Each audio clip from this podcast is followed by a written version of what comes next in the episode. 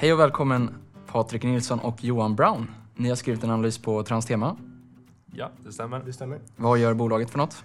Eh, Transtema levererar tjänster och lösningar inom eh, nätverk och kommunikation, eh, framförallt fiber. Då.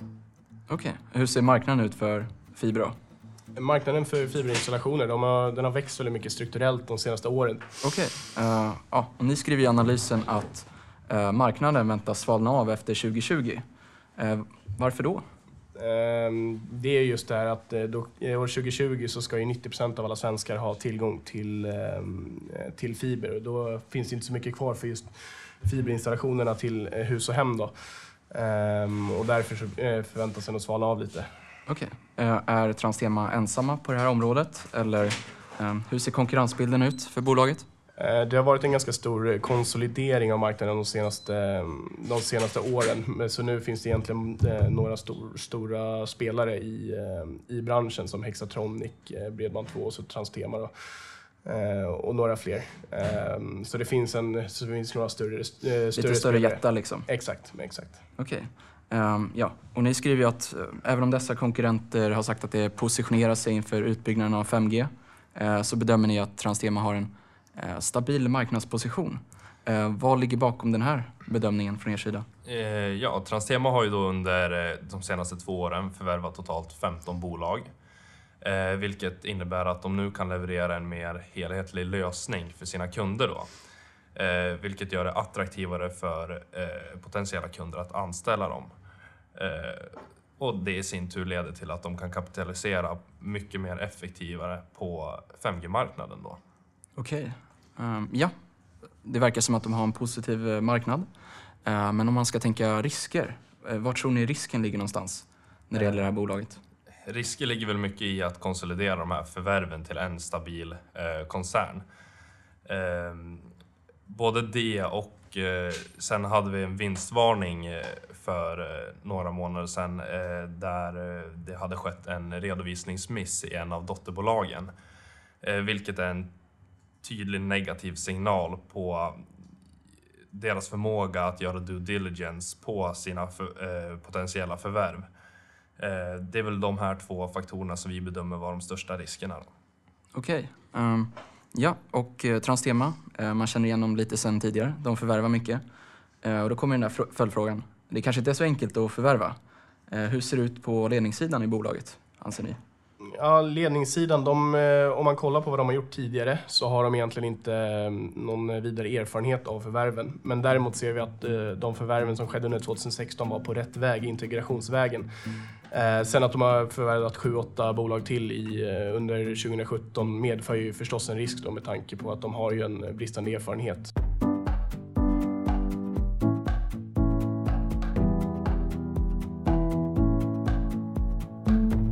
Ja, då ska vi gå över lite på värdering. Eh, Transtema kanske inte är det vanliga tjänstebolaget. Eh, de kanske inte är det vanliga produktbolaget som säljer eh, produkter. Eh, hur ska man tänka när det kommer till värdering av Transtema? Hur har ni valt att göra? Eh, vi har valt att försöka bryta ner bolaget i så små komponenter som möjligt. Eh, så vi har delat upp de här 15 förvärven som har gjorts i tre olika kategorier och därifrån försökt estimera hur omsättning, marginaler och vissa om, eh, kostnader kan utvecklas framgent. Då. Eh, Sen har vi benchat de här mot peers som verkar inom samma bransch och eh, gjort en peer-värdering på det helt enkelt. Vad, är det, vad ser ni för uppsida i caset? Eh, baserat på vår peer-värdering eh, så ser vi en uppsida om ungefär 60% fram till 2019 års eh, bokslut. Mm. Eh, av analysen framgår det att eh, ni, väntar, ni förväntar er att marginalen ska öka. Eh, vad är det som ligger bakom den här ökningen? Ja, vi anser att marginalerna är ganska pressade nu i och med att de har varit i en så intensiv förvärvsper, förvärvsperiod. Och då vid en, i ett base case ser vi en relativt lyckad integration av de här förvärven, vilket på så sätt kan medföra synergieffekter inom bolaget, eh, vilket i sin tur leder till ökade marginaler. Då. Okej. Sen om man kollar också på eh, på de här eftermarknaderna som eh, kommer växa ut, ut efter att mer fiber har blivit installerat med allt från sälj, underhåll och de har till och med Mm. förvärvat ett bolag med datalagring också. Så är ju det generellt marginal, mer marginalattraktiva branscher också som kommer pressa upp marginalerna. Ja, det där med datalagring låter ju väldigt intressant. Ja, verkligen.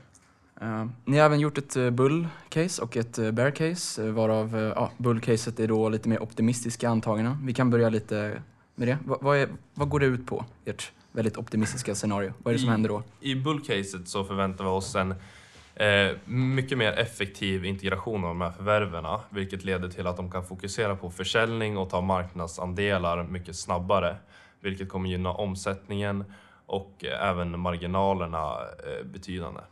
Okej, eh, om vi vänder på steken då. Uh, base, eh, bear-caset. Vad händer när det... Ehm, Vad händer då? I bear-caset så ser vi bristande kunskap i ledningen eh, på att konsolidera de här förvärven, eh, vilket gör att de måste fokusera på eh, få, få till den här enhetliga koncernen istället för att lägga mer fokus på att få ut sina tjänster och produkter på marknaden, vilket även gör att konkurrenter kan ta mer marknadsandelar och eh, därav kan det bli mycket kämpigt för eh, Transtema att eh, komma tillbaka. Hur ser det ut? Transtema har gjort mycket förvärv historiskt. Eh, hur ser det ut i framtiden för Transtema? Eller har ni bakat in dem i era prognoser? Ehm, Det enda som finns med i våra prognoser är de förvärven som redan har offentliggjorts. Det är klart inte omöjligt att det kommer finnas fler eh, eh, förvärv i framtiden. De kommer även ha en skuldsättning som gör att det finns möjlighet för några extra förvärv. Eh, men det är ingenting vi har eh, räknat med i våra prognoser i alla fall. Okej. Okay.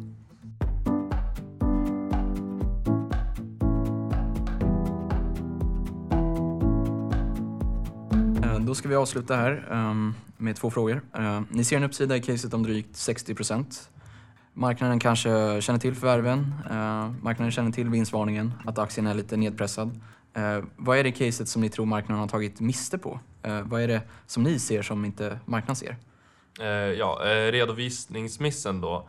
Eh, Transtemas kurs tog mycket stryk av den eh, och vi anser att det kan ha varit lite överdriven reaktion av eh, aktiemarknaden på just den.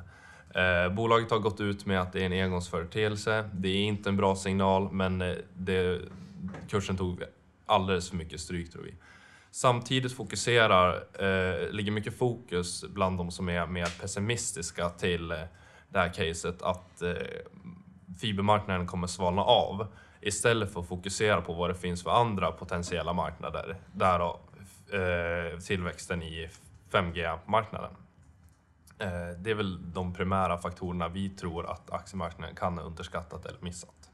Okej, avslutningsvis då. Vad är hisspitchen på Transtema?